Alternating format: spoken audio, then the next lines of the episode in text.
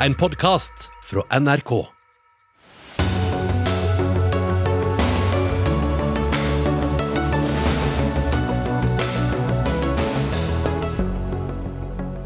Kraftmarkedet er ødelagt, sier ordføreren i kraftkommunen Bardu. En Arbeiderpartiordfører i sør mener det er et problem at strømmen er nesten gratis fra Molde og nordover, mens han i nord mener problemet ligger nettopp i sør. Så det handler om strøm, men også om oljen i Dagsnytt 18. Vi er blitt vant til priser på over 100 dollar fatet, men nå er det slutt. Frykten i markedet forsterkes av stadig flere kriser, sier en analytiker. Aksel Hennie vender tilbake til scenen for første gang på mange år, og det gjør han på Gålå. Og han skal tolke det mest kjente rollen i norsk teater, Per Gynt, for aller første gang. Det er på tide at politikerne logger av Facebook, mener en organisasjon for det de kaller teknologisk valgfrihet. Det er Fremskrittspartiets ungdom helt uenig i, og mener folk, politikerne, bør være der folk er. Og kanskje er folk her. Dagsnytt 18 i NRK P2 og NRK1 med Hugo Fermariello, velkommen. I dag nådde strømprisen på Østlandet og Vestlandet det nest høyeste nivået i år, ifølge E24. Samtidig er strømmen så å si gratis i nord. Statnett vil gjerne bygge linjer for å fordele godene mellom nord og sør. Men de enorme prisforskjellene er også en kime til konflikt, og i nord har det gått så langt at det snakkes om en et nordnorsk kraftran. Maja Sojtaric, kommentator i avisa Nordlys. Mange i nord frykter eh, at prisene fra sør blir importert til, eh, til nord, og ikke omvendt. Eh, hvorfor det? Det er jo en logisk uh, slutning av at uh, når du kobler det til et marked der, som har en førende og ledende høye strømpriser, så blir de prisene overført videre i det markedet. Jo tettere du begynner oppi det, jo mer sannsynlig er det det vil skje. Um, og så er jo utfordringa i denne saken primært at Statnett i utgangspunktet kommuniserer at disse eller fremskyndinga av disse overføringskablene gjøres fordi lønn lønnsomheten er nå såpass god at det på en måte er samfunnsøkonomisk forsvarlig. Og i Nord-Norge så er, høres ikke det der uh, bra ut. Nei, så Vi skjønner jo det at folk er engstelige for at, at uh, plutselig så er også Nord-Norge en del av kraftmarkedet som, hvor prisene er høyere. Men, men, hvilke andre argumenter er det for å, for å la, la kabler være kabler uh, og beholde kraften selv? Jeg tror vi må egentlig uh, se litt på uh, Arbeiderpartiet her. Uh, fordi det som har skjedd i veldig mye av fremsnakkinga av nordområdepolitikken fra oktober i fjor og til og med januar i år, når Jonas Gahr Støre var på besøk i Tromsø, så har det vært fremsnakka at Nord-Norge har et kraftoverskudd som de må bruke til sin egen fordel, og at prisene i Nord-Norge må brukes aktivt av industrien næringslivet og forskningsmiljøene som en, på en måte motor for å videreutvikle landsdelen i, en, i, et grønt skifte. Og Det har jo både Jonas Gahr Støre, det har Vestre, det har Barth Eide også vært på en måte hele tida på som tilbudssiden på.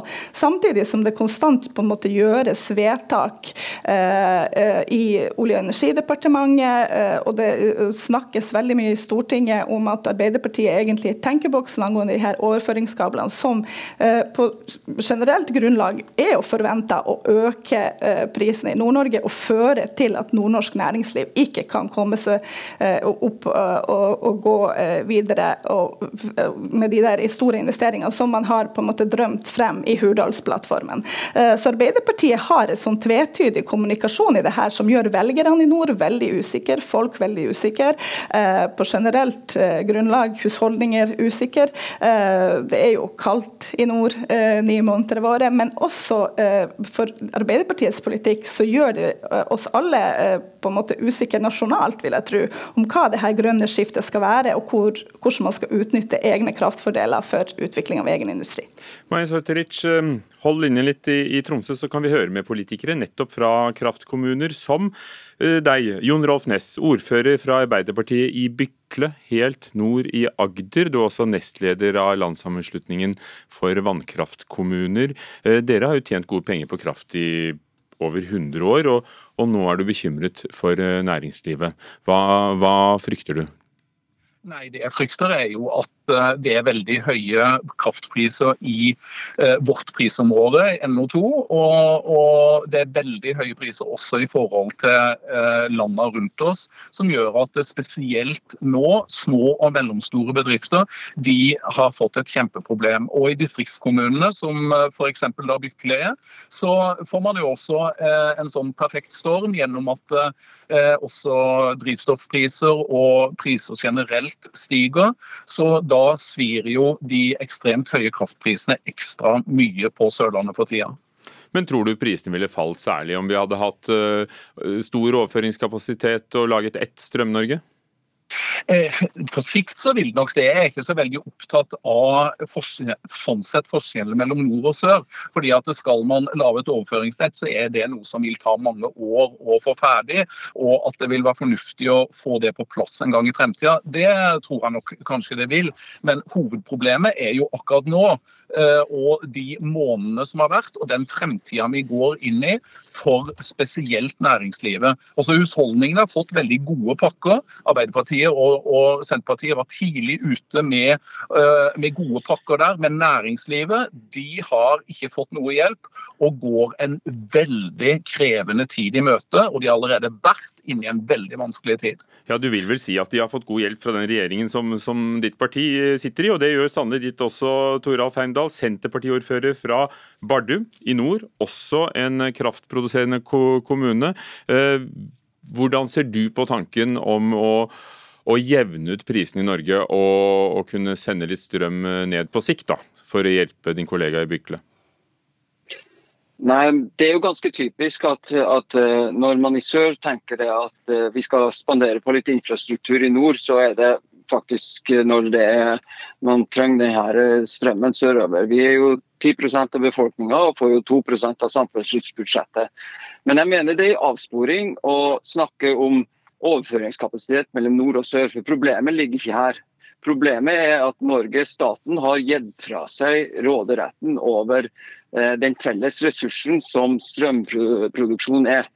Og eh, Man har helt glemt et samfunnsoppdrag. Det er nemlig å sørge for en beholdning av strøm utover vinteren. Og Vi har på en måte prøvd gjennom vilkårsrevisjon, som altså konsesjon på kraftverkene, prøvd å få en høyere minstevannstand, for det er det som skal til i hele Norge. Sånn at ikke bassengene er tomme når eh, vinteren kommer. Det har Olje- og energidepartementet og NVE avvist. Men det er det som er løsninga. Vi er nødt til å ha mer vann i magasinene i sør også. Og det Eh, og så er det veldig viktig Men da hadde prisen vi... blitt eh, enda dyrere nå, da? Nei, for da måtte man holde igjen på eksporten, spesielt på, på våren og, og, utover, for man er nødt til å fylle magasinene. Det, det, det, er helt innlysende. Men, men når vi har gitt fra oss all råderett over vår egen energipolitikk, og at en børs som styrer det her etter frie markedsprinsipper, så, så, så er det klart at det, det, er, det systemet nå på, Nordpol og hele opplegget der, det er dysfunksjonelt, og det fungerer ikke i det hele tatt. Og eh, Politikerne i regjeringen er nødt til å vise handlekraft, og de er nødt til å ta tilbake det her markedet. Toralf Heindal, før de tar tilbake det markedet. Nå har vi nå det markedet vi har, og det, det vi diskuterer i dag er jo øh, om ikke Norge sannelig skulle laget seg et solid strømnett som ikke bare går øh, sør og vest, men også nord og sør. Øh, hvilke tanker gjør du deg om det på sikt? På sikt så tror jeg det er faktisk lurt å også lage et strømnett som gir robust leveringskapasitet eh, nord og sør og i alle retninger. Men man må lage et sett med regler der man sikrer seg at man har nok kapasitet, sånn at man unngår de her prishoppene i løpet av vinteren. Og Det blir jo som om at en norsk ammunisjonsprodusent som har rammeavtale med Forsvaret, skulle begynne å selge ut all ammunisjon til, til, andre land. Og så vi, står man igjen uten ammunisjon i Norge. Vi er nødt til å ha våre eh, reelle basisressurser. Vi er nødt til å ha kontroll på dem. Dere får ta det opp med, med partikollegene i egen regjering og, og, etter hvert på Stortinget. da. Jon Rolf Ness, er du fornøyd med hvordan eh, Arbeiderpartikollegene dine har håndtert dette nasjonalt?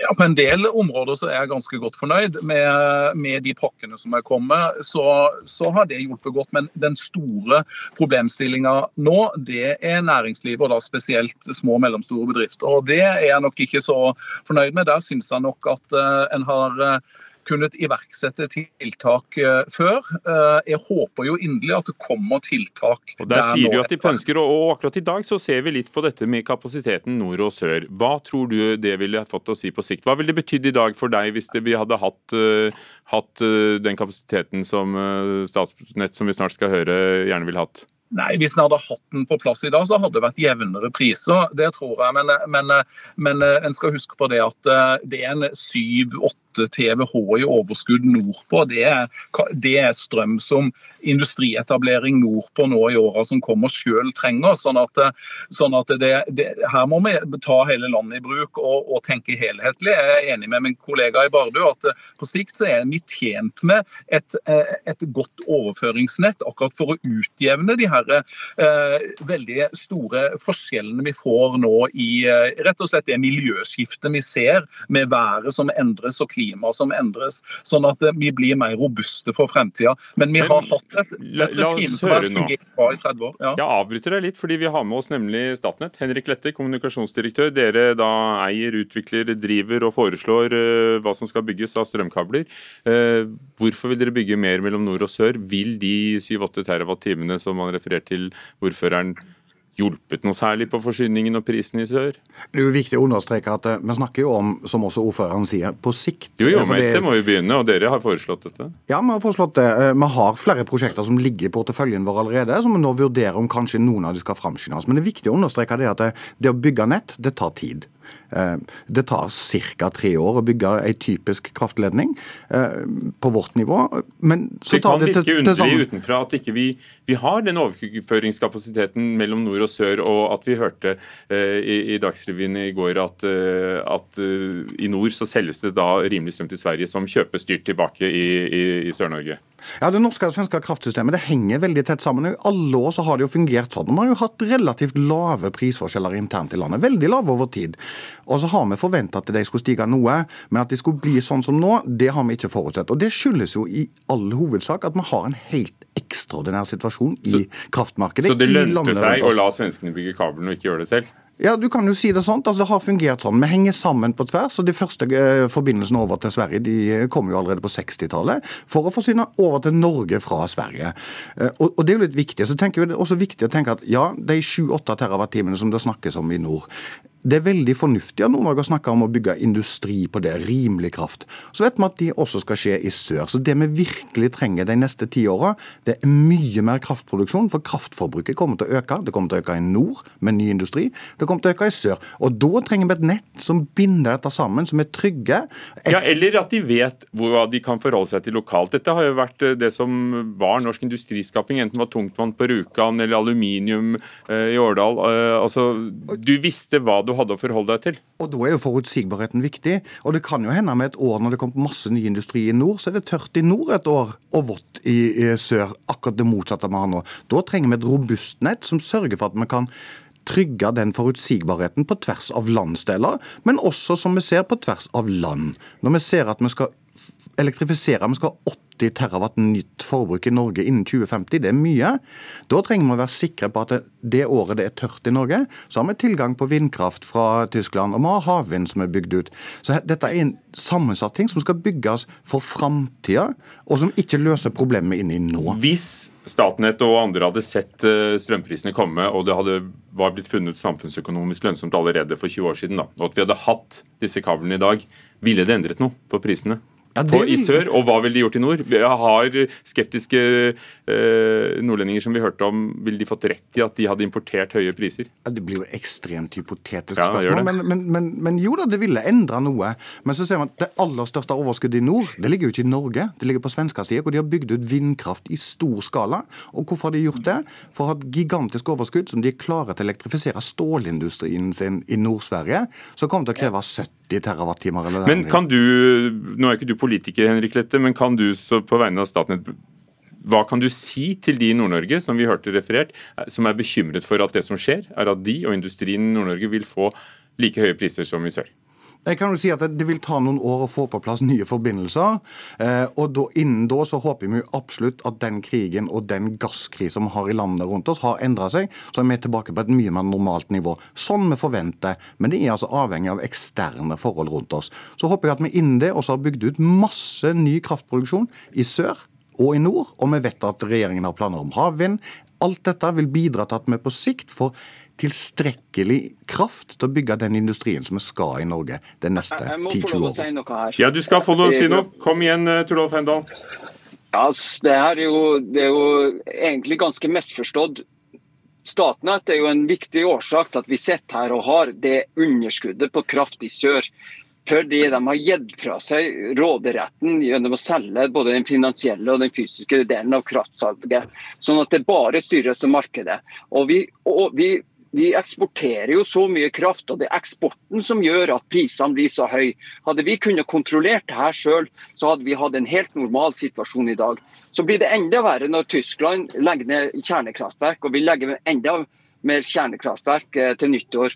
Det, det her gjør jo ingen ende. Skal vi forsyne Europa både med, med elektrisitet og gass? Det, men, men, eh, la oss da høre noe, noe, av dette er vel politiske ting, Henrik Lette, men har Statnett også tatt noen avgjørelser selv som har påvirket uh, markedet på denne måten? Altså, det politiske skal ikke jeg gå inn i. Eh, og det er klart at Vi forholder oss til de reguleringene vi har. Og så gir vi råd, og vi, vi opererer innenfor en regulering som er ganske stram uh, på, overfor oss. Maja Sauterich, du har sittet og hørt på, kommentator i Nye Nordlys med oss fra Tromsø. Ja, hva får du ut av dette? Blir, tror du befolkningen i Nord-Norge blir beroliget? At plutselig en dag så kan det være Nord-Norge som trenger strøm? Nei, jeg blir ikke beroliget. Jeg tror ikke befolkningen i Nord-Norge blir beroliget heller. Vi trenger politisk styring på denne situasjonen. Vi trenger en tydelig politisk ledelse, sånn at ikke det store gapet mellom nord og sør blir enda større. Jeg tror at Arbeiderpartiet må virkelig komme på banen, fordi det er de som holder igjen her.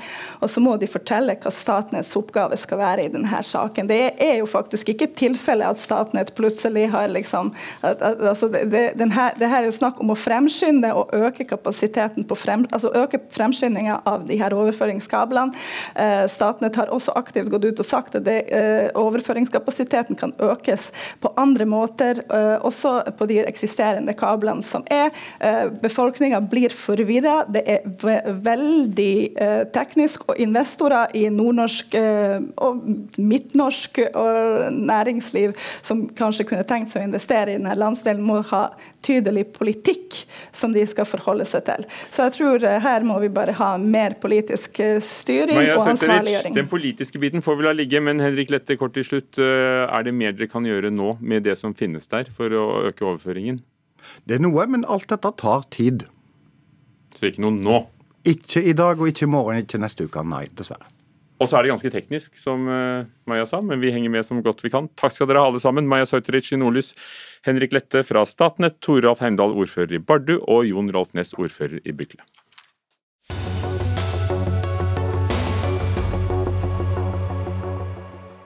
Og energi det er jo noe som er dyrt uansett i hvilken form den kommer for tiden. Uh, oljeprisen uh, har falt derimot, til 96 dollar fatet i dag, og den har ikke vært lavere siden før Russland invaderte Ukraina.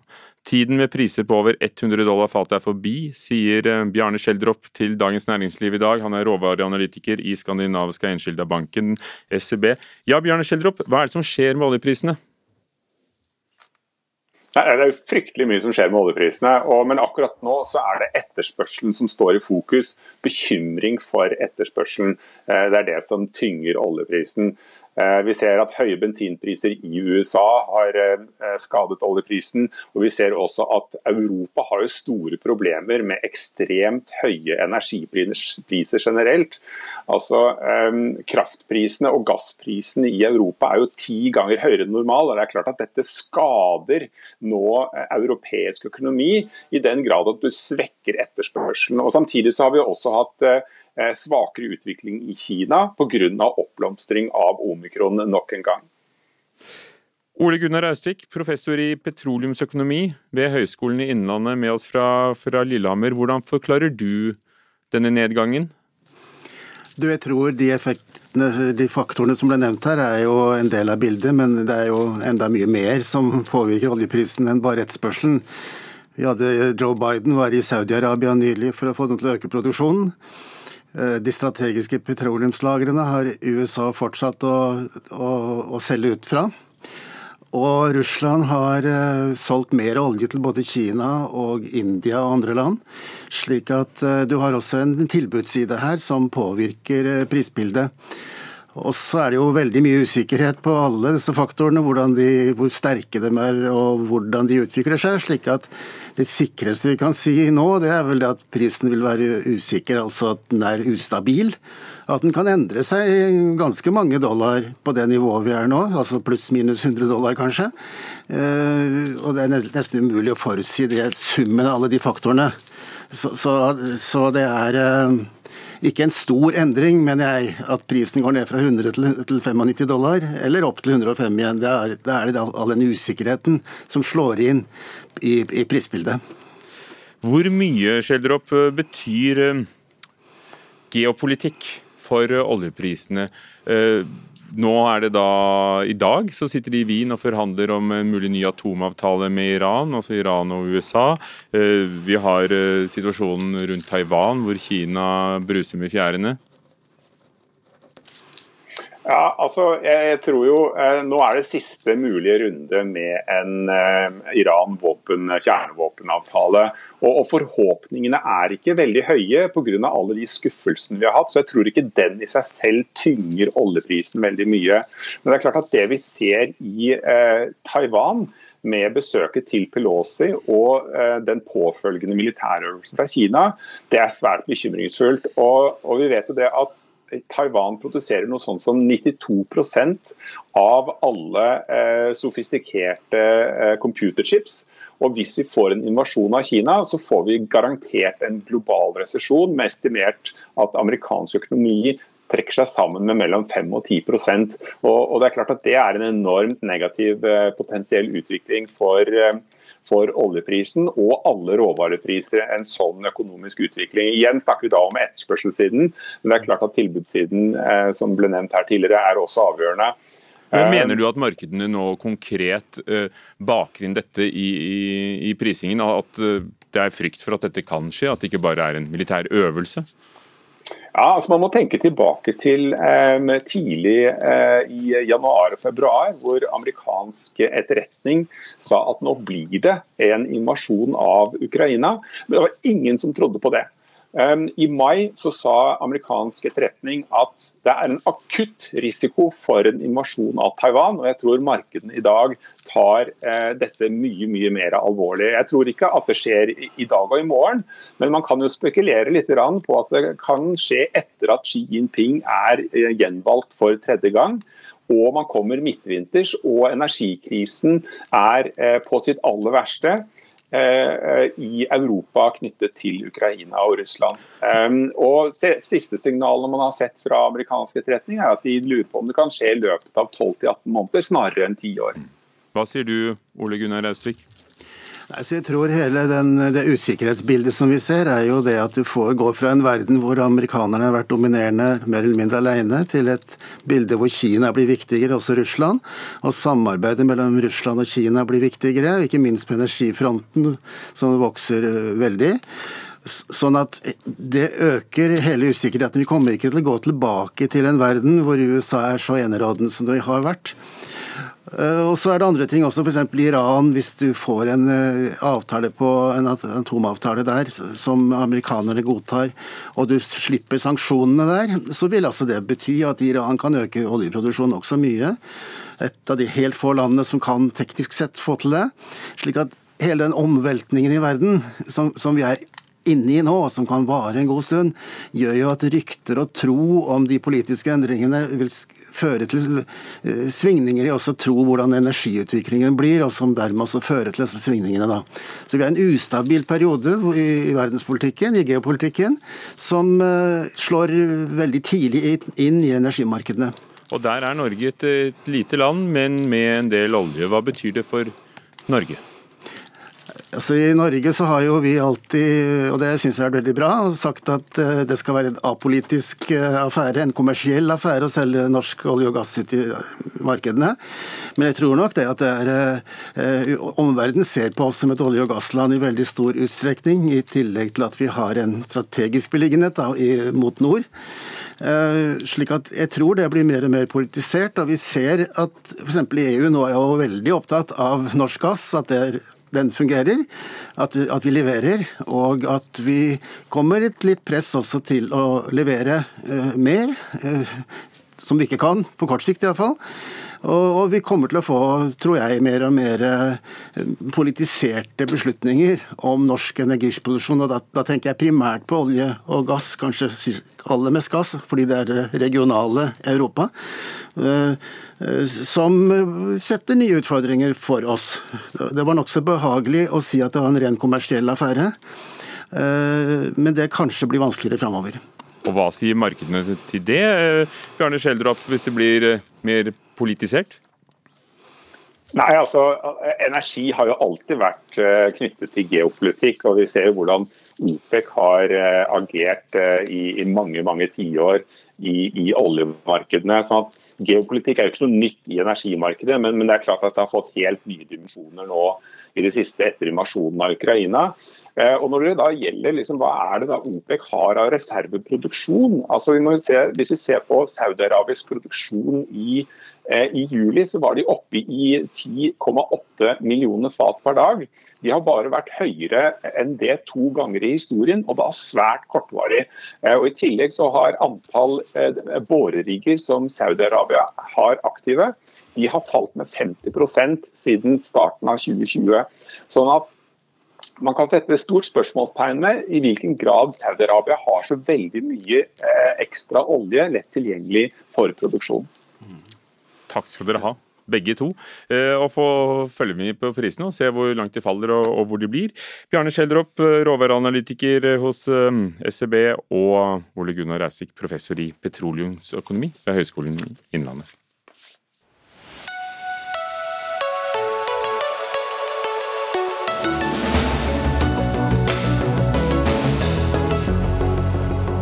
Hvem er vi innerst inne? Per Gynt gir et eh, bilde av det, en av de mest eh, kjente figurene i norsk teater, i verdensteater, og i morgen er det igjen premiere på en ny tolkning ved Gårdevannet i Gudbrandsdalen, en over 30 år gammel tradisjon, i ny regi, ny scenografi og ny Per Gynt. Aksel Hennie, hvordan har ditt år med Per Gynt vært?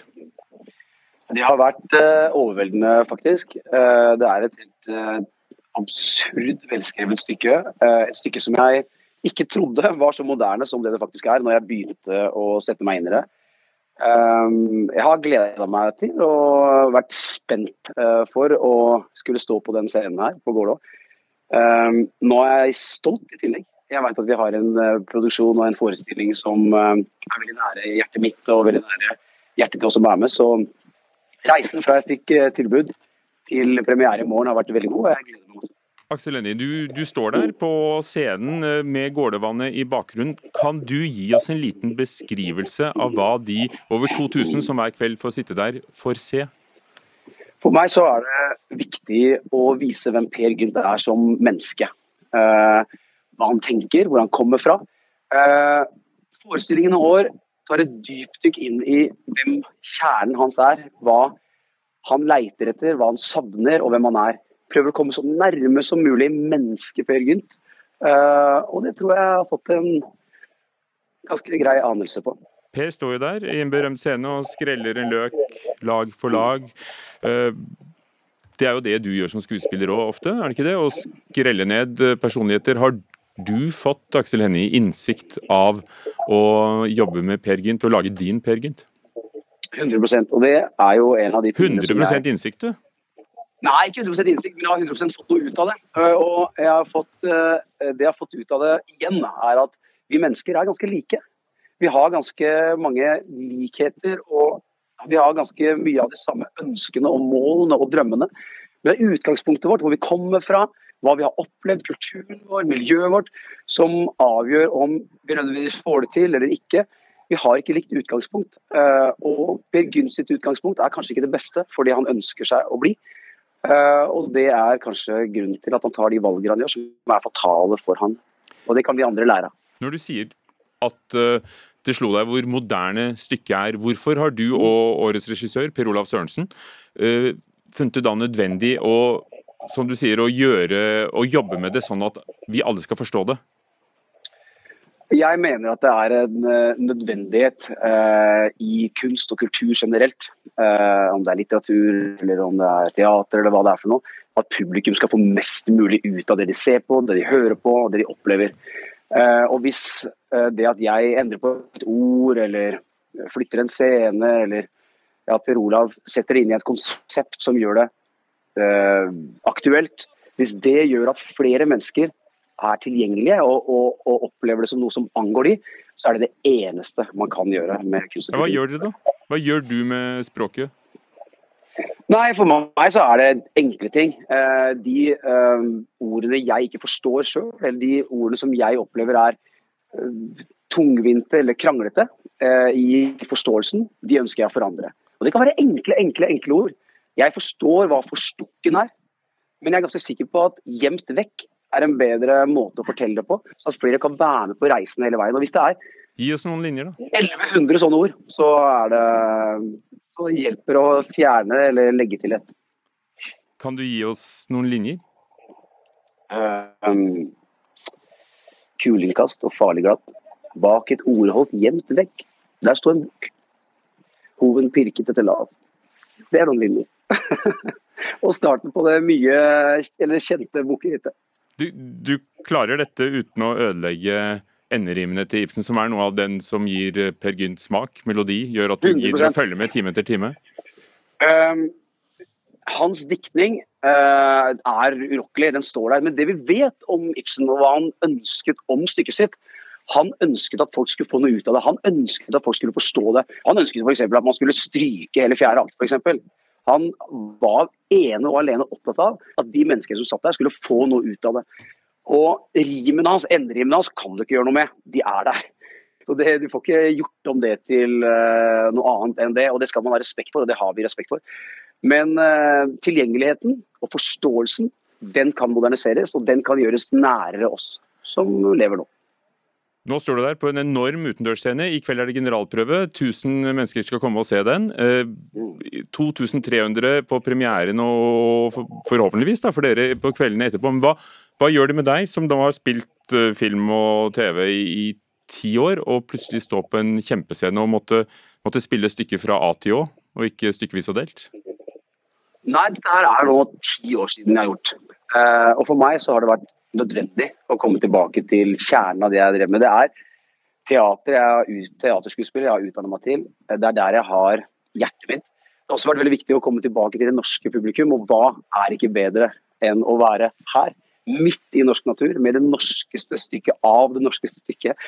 Så jeg um, Dere spiller om en times tid. Hvordan, hvordan ser det ut rundt deg? Nå går det masse mennesker rundt meg og er nervøse, spente, eh, opprømte. Og jeg sjøl står og tripper fordi at jeg skal snart ta på meg Per Gunn sitt kostyme. Eh, så det er veldig, veldig, veldig, veldig, veldig stille på scenen. Og veldig, veldig, veldig høy aktivitet bak scenen. Og alle sammen gleder seg til å gjøre den stille scenen til noe som smeller og lager masse lyd og gjør folk glad. Aksel Hennie. Per Gynt på Gålå i år og, og fremover en stund til. Takk skal du ha for at du var med i Dagsnytt 18.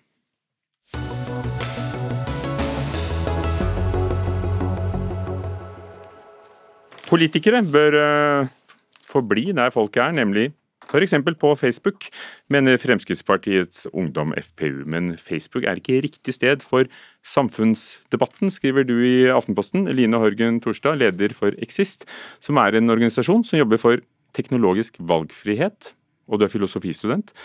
Hvorfor bør politikere komme seg av Facebook? Nei, Jeg kan prøve, å forklare det effektivt. Og Det går ut på at forretningsmodellen til Facebook den er avhengig av at du forblir pålogget, slik at de kan fortsette å vise deg reklame. Og I den nye oppdateringen så bruker de aktivt dine persondata for å vise deg flere av deres foreslagte innlegg, og viser deg mindre av det du selv har valgt å følge.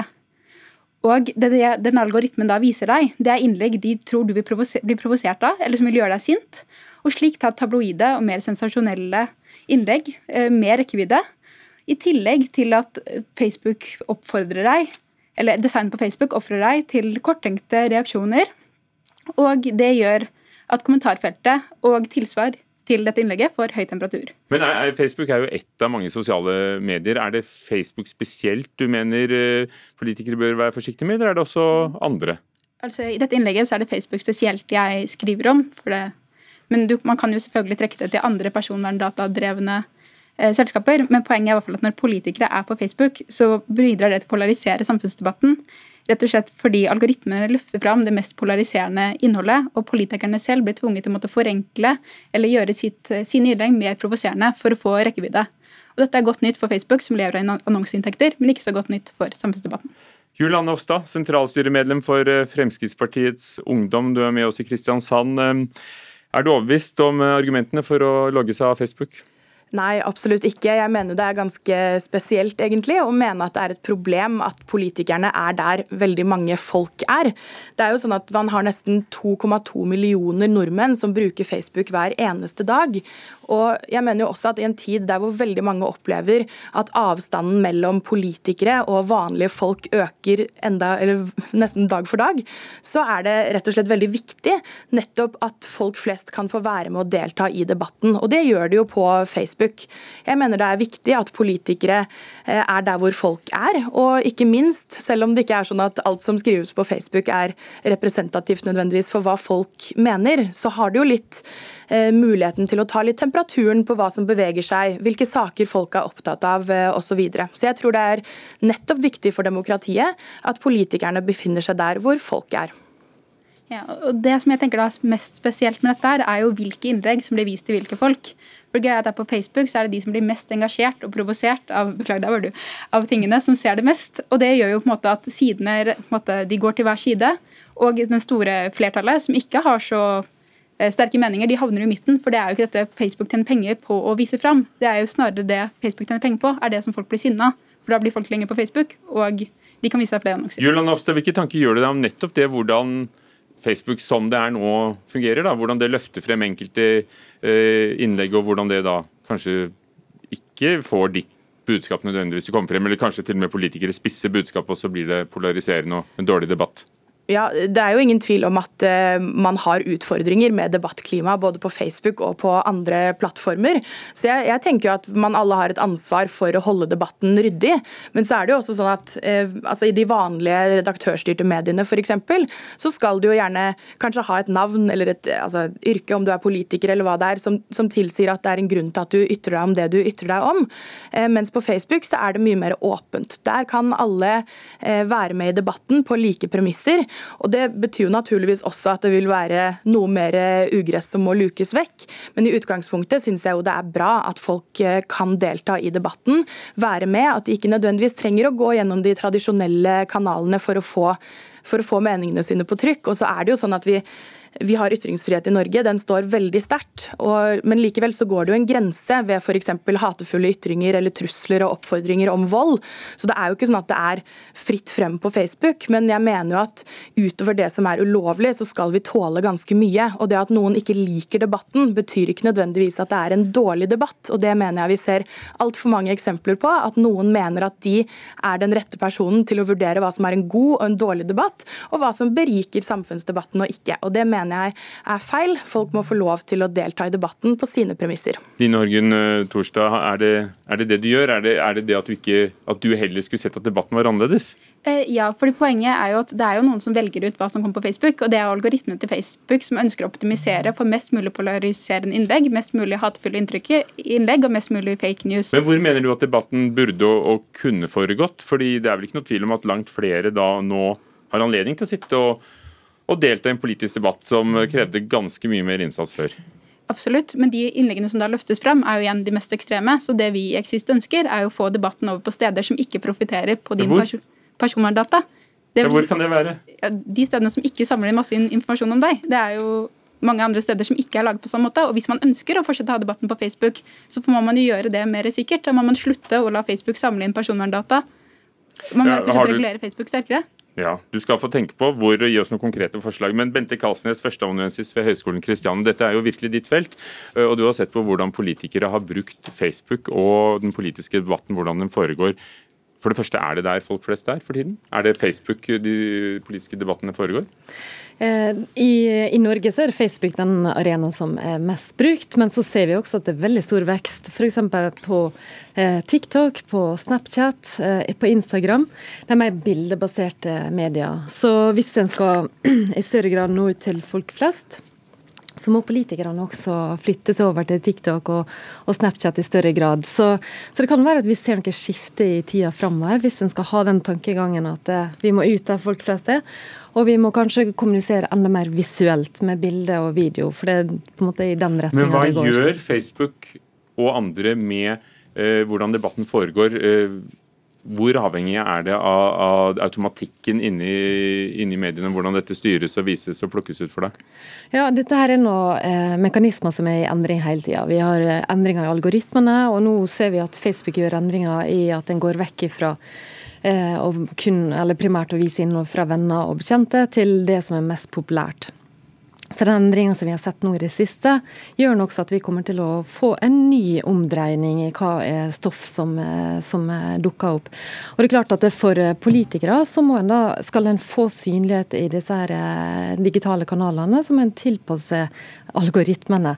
Tilpasse den sosiale medielogikken. Og den kan være ganske forskjellig, både fra medielogikken, altså hva er det som får synlighet i mediene, og eh, hva politikerne egentlig vil gjøre, altså den politiske logikken.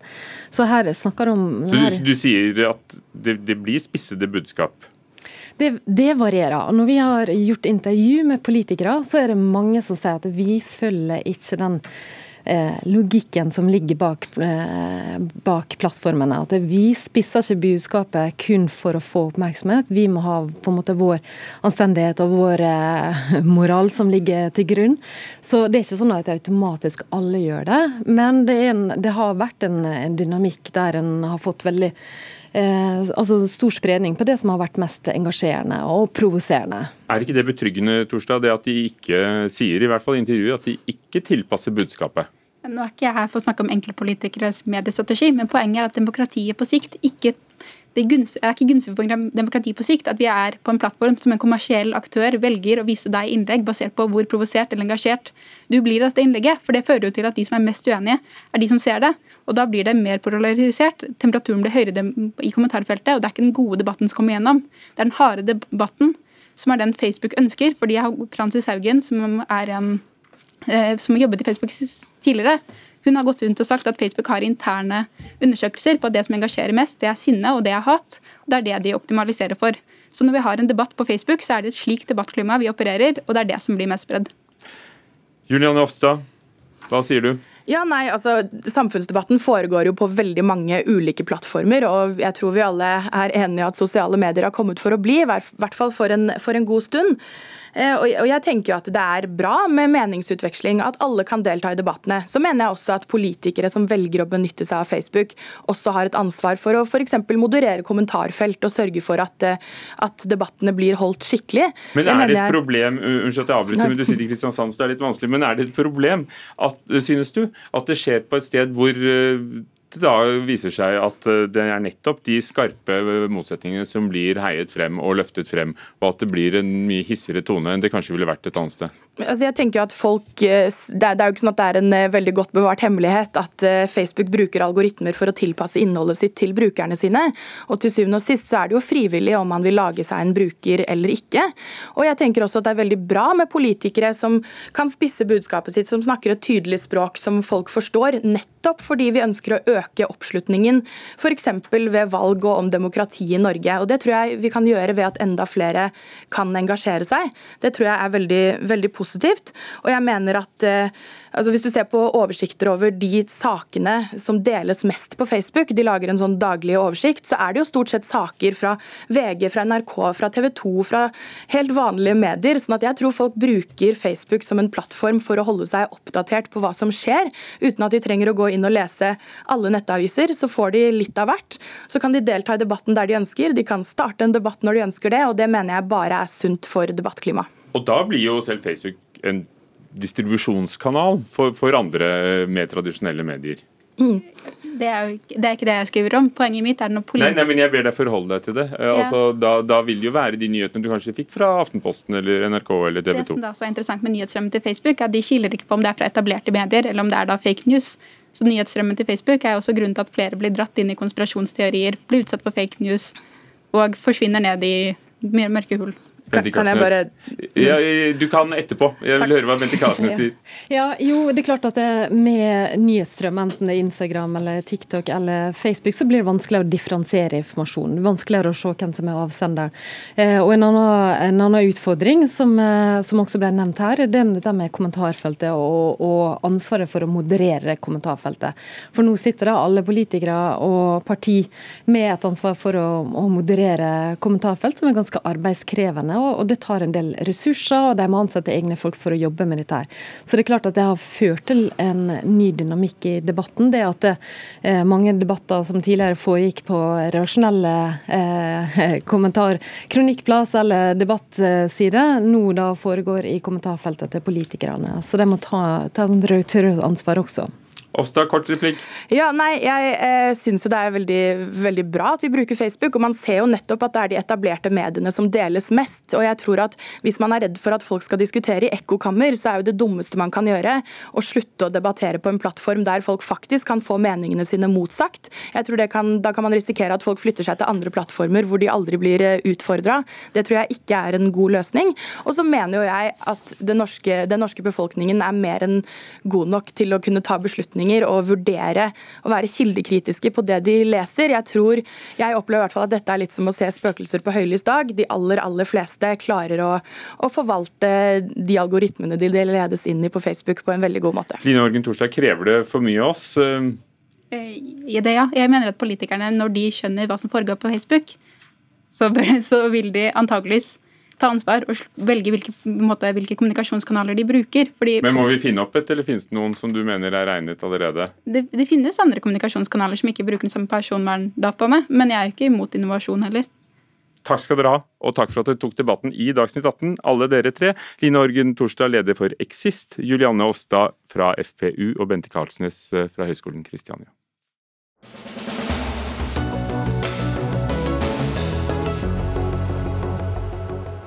Ukraina og Russland melder i dag om harde kamper utenfor eh, byen Donetsk, altså øst i Ukraina. Samtidig kom Amnesty International i dag med en rapport som beskylder ukrainske styrker for å bryte folkeretten, sette sivile liv i fare ved å etablere baser i boligområder, skoler og sykehus.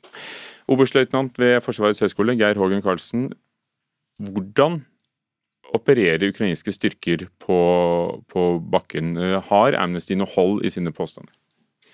Ja, nå var kritikken fra Amnesty de russiske styrkenes eh, opptreden. Eh, når det gjelder de ukrainske, eh, de områdene hvor de er i ferd med å gå til offensiv, i sør-vest ved Kherson, så opererer de svært forsiktig. og Opererer stort sett med langtrekkende presisjonsartilleri, som de nylig har fått av Vesten. Men, unnskyld meg, men Går ikke også kritikken på at ukrainske styrker skal da ha satt sivile i fare ved å ha sine egne baser blant dem i boligområder? Ja, nå jeg, fikk jo jeg vite om den rapporten for eh, ca. ti minutter siden her når jeg kom inn til dere, så jeg kjenner ikke de detaljene. Eh, men eh, nå er det jo sånn at man har jo behov for å bruke faktisk også tettbygd strøk til til forsvarsstillinger. og Det har de måttet slåss for å beskytte byene mange ganger. Men det er jo kjent at ukrainske myndigheter har bedt sivilbefolkningen evakuere og forlate de områdene. Det har jo bl.a. president Zelenskyj vært ute med mange ganger, og jeg er helt sikker på at lokale ukrainske styrker på bakken ber, ber sivile flytte ut og forlate akkurat de områdene hvor de, hvor de opererer. Vi vet jo hvor stor grad russerne bruker artilleri, og det ødelegger jo i eh, stor grad alt som kommer i deres vei. Du var inne på det da jeg avbrøt deg. Hva vet vi om den militære fremgangen til ukrainske styrker? Ja, De rykker fram uh, forsiktig i sør-vest, den relativt store byen Kherson, den største som russerne har erobra under krigen. Uh, men de har ikke satt i gang noen sånne store frontale bakkeangrep. Det de gjør, at de tar det moderne artilleriet med lang rekkevidde opp til ja, drøyt 80 km, som de har fått av Vesten. og beskytter russiske våpen- og ammunisjonslagre, beskytter, beskytter kommandoplasser. Og så kutta en del broer og kommunikasjonslinjer, sånn at de russiske styrkene i området blir, eh, blir isolert. Og, og de har jo, Russerne har jo den store elva Dnipro i ryggen, så det, det gjør det vanskelig for dem å bruke pontongbroer og, og ferger over. Så de, eh, de, går rolig fram, og det tror jeg er klokt av ukrainerne. Russerne har jo gått fram på en helt annen måte og mista forferdelig mye folk andre steder. Nato-sjef Jens Stoltenberg ba i dag Norges statsminister Støre om å sende flere våpen til Ukraina. Hva hva kunne det hatt å si for eh, krigens utvikling? Det er helt avgjørende. Eh, Ukraina er fullstendig avhengig av eh, vestlig støtte med våpen og ammunisjon. Og de vil ikke overleve veldig lenge uten vår støtte. Men kommer vi noensinne til et vendepunkt i denne krigen? Dette er en utmattelseskrig. Eh, alt tyder på at den kommer til å bli langvarig. Eh, og med det så mener jeg at eh, det kommer ikke sånne bråe, store skifter hvor ting endrer seg veldig på bakken. Man må slåss for hver kvadratkilometer, hver by og landsby. Og det kommer til å bli store tap og ødeleggelser. Det, det er ingen vei utenom slik situasjonen er og med de styrkene som er. Men jeg tenker som så, og det tror jeg de fleste er enige om, at så lenge Ukraina er villig til å slåss for sin frihet og selvstendighet, for de vet veldig godt hva det vil si å komme under russisk styre nå, eh, så bør vi støtte dem. Eh, vi har brukt 20 år på i Afghanistan som var mye mye mindre viktig for Vesten. Eh, det er helt avgjørende for Vesten at ikke Russland lykkes med det blodige overgrepet de begår akkurat nå. Det vil være dramatisk både for resten av Øst-Europa og alle vi som er naboer til Russland. Og er jo da medvirkende årsak til at eh, Finland og Sverige nå søker seg inn i Nato. Eh, hvor vellykket er forsøkene til ukrainske styrker eh, om å ta tilbake kontroll over områder? Altså de, de kjemper for å beholde kontroll, men så forsøker de også å ta tilbake kontroll. Ja, Det sier er jo helt riktig. Når det gjelder de områdene de beskytter, så har jo russerne stort sett stoppet opp og stagnert nå. Men de går sakte fram med de offensive operasjonene. Um, og det tror jeg er lurt, for de er ikke så overlegne at du har noe å vinne på å gå liksom i store angrep og risikere å tape store mengder folk. De driver utmattelse av russerne og lar russerne får skutt opp ammunisjonen, ledelseselementene sine og ødelagt kommunikasjonene, sånn at de blir isolert og ikke får uh, forsyninger. Uh, og Så finner de vel et tidspunkt uh, noen tid fram hvor de ser det hensiktsmessig å gå til angrep. En annen sak er at de prater om en stor by. Og Ukrainerne har jo ingen interesse av å skyte i stykker sine egne byer på samme måten som russerne har ødelagt de byene de har angrepet. Vi har snakket om høye energipriser i Dagsnytt 18 i dag, både strøm og, og, oljen, selv om den akkurat er blitt litt billigere. Men det at det er en stor energikrise i Europa, vil det påvirke krigen nå som vinteren kommer, og, og, og samholdet i Europa? Ja, det er mange som mener at Russlands strategi er at det skal bli kaldt og dyrt i Europa. ikke sant? Vi får en sånn eat or heat-situasjon, og det vil undergrave støtten. Så langt har jeg blitt imponert over vestlige politikere. De som spådde at vi ikke kom til å stå sammen, ikke kom til å støtte Ukraina, ikke kom til å gi våpenhjelp, tok helt feil i februar-mars når krigen begynte. Eh, og jeg er ganske sikker på at eh, europeiske ledere ser at eh, vi er nødt til å stå sammen i en kald og dyr vinter. Geir Hågen Karlsen fra Forsvarets høgskole, oberstløytnant, takk.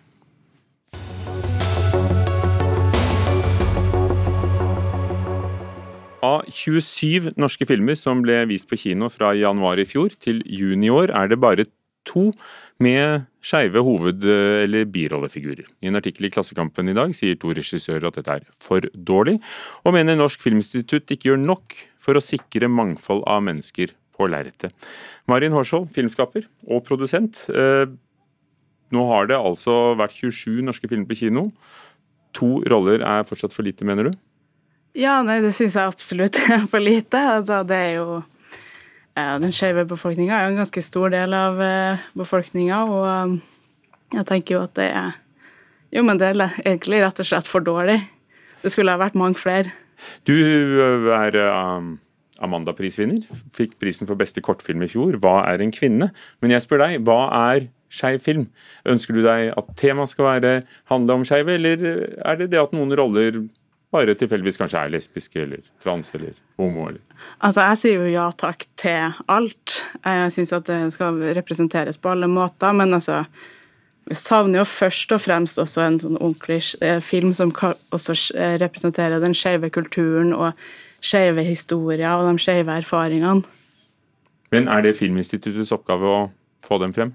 Ja, altså, det er jo Filminstituttet har jo kanskje det største ansvaret her, at det er jo et organ som eh, forvalter offentlige midler, og derfor så tror jeg det er liksom Eller de kan også få muligheten til å gå inn og gi støtte til mindre filmskapere, og også eh, ja, men gi til de små Therese Hollo Clausen, avdelingsdirektør for utvikling, spill og publikum i Norsk Filminstitutt. Det er jo dere da som distribuerer støtte, fremelsker manus, talenter, eh, sørger for i stor grad mye av det vi får se på kino. Hva syns du om uh, to uh, rollefigurer i uh, de 27 siste norske kinofilmene? Ja, vi er helt enige der om at det er mye vi kan fortsette med i det viktige mangfolds- og representasjonsarbeidet. Ehm, jeg har jo eh, Men er det et poeng i seg selv, mener du? Ja, det er jo viktig del, en viktig del av det kulturpolitiske oppdraget vi har, med nettopp å sikre god representasjon og, og god spredning både på innholdssiden, men også skapersiden. Men filmkunst er jo nettopp kunst, den er fri. Eh, Hvilken rolle ser du at dere har i å styre dette? Mm. Ja, vi har jo vært med og kartlagt selv også, sett nå eh, de siste par årene at det har vært en eh, god del grupper som er underrepresenterte, og at mangfoldsarbeidet er noe vi er nødt til å fortsette å prioritere. Eh, den gode nyheten er at vi ser jo en endring. Vi får eh, et større tilfang nå av prosjekter med både skeive filmskapere, og også med skeive hovedkarakterer og bikarakterer, som er litt av det som har blitt etterlyst. da. Jeg er riktignok ny i jobben, og har lyst til å trekke frem at jeg også nå det siste jeg gjorde før NFI, var å produsere en TV-serie for NRK med skeiv hovedkarakter. Så her ser vi jo særlig også i TV-drama, som jo også er det vi gir tilskudd til, at det skjer eh, en stor endring både i, i tilfang av uh, ulike uh, legning og seksuell orientering, men også andre typer minoriteter som vi er nødt til også å ivareta i våre ordninger. Marin Horsvold, er det ikke dere filmskaperes oppgave å bare komme med gode nok ideer til manus, så blir de antatt? Jo, men altså, det er jo et stort og komplisert eh, eh, eh, eller struktur, eller altså måten det pengene blir forvalta på. Og jeg opplever jo også at det er noen eh, store produksjonsselskaper som får lov å være med å bestemme hvordan pengene brukes og hvordan støtteordningene er. og Det er jo veldig høy terskel for måten søknadene eh, går på. og Det er jo også ganske mange regler for hvordan man eh, søker støtte. og der, Jeg tenker at man må også få lavere terskel for det, sånn at det blir lettere for filmskapere. Altså at vi får enda flere filmer og enda flere stemmer til å lage filmer. Ja, Vi har jo veldig stort tilfang av søkere. og um, Et av de tiltakene vi har gjort nå i nyere tid, er egenmelding for inkludering. hvor, og Jeg kan jo identifisere det selv som tidligere produsent, at det har vært et nyttig verktøy nettopp for å bevisstgjøre søkerne til ordningene. Og hva, hvordan de jobber med inkludering. Gå på bekostning av nettopp mangfold i, i filmkunsten, av, av skaperfriheten. At folk sitter da og skal krysse av på bokser for å inkludere, fremfor å, å lage den historien de ville skrive og, og spille. Mm. Jeg ser ikke nødvendigvis noen konflikt i det, fordi vi er opptatt av at eh, de mangfoldige stemmene skal få komme til uttrykk. Men de har jo nødt til å følge eh, de kvalitetskriteriene som vi styrer etter. Og vi ser veldig mange gode søknader, og vi er jo i den heldige situasjonen at vi ikke kan tildele til alle. Marin Hårskjold, ditt tips til Filminstituttet? Ja, nei, jeg tenker altså at Man kanskje ikke bare skal se på klikk av den boksen, men også faktisk dem som skriver de søknadene, og hvem som er Eh, avsenderen av den søknaden. og det er liksom, ja, men Gi skap et større mangfold, gi flere eh, folk plass til å lage film. Tror du folk er redde for å ha skeive hovedroller? Jeg tror ikke folk er redd for å ha skeive eh, um, hovedkarakterer. Jeg tror folk, er, eller dem som har lyst til å lage det, ikke får muligheten til å lage de filmene. Takk skal dere ha. Marin Hårskjold, filmskaper, uh, og, deg, Therese Holo Clausen fra Filminstituttet. Synnøve Vereide Trampe var ansvarlig for det hele i Dagsnytt 18. Lisbeth Sellreite, teknisk ansvarlig. Programleder Hugo Fermariello.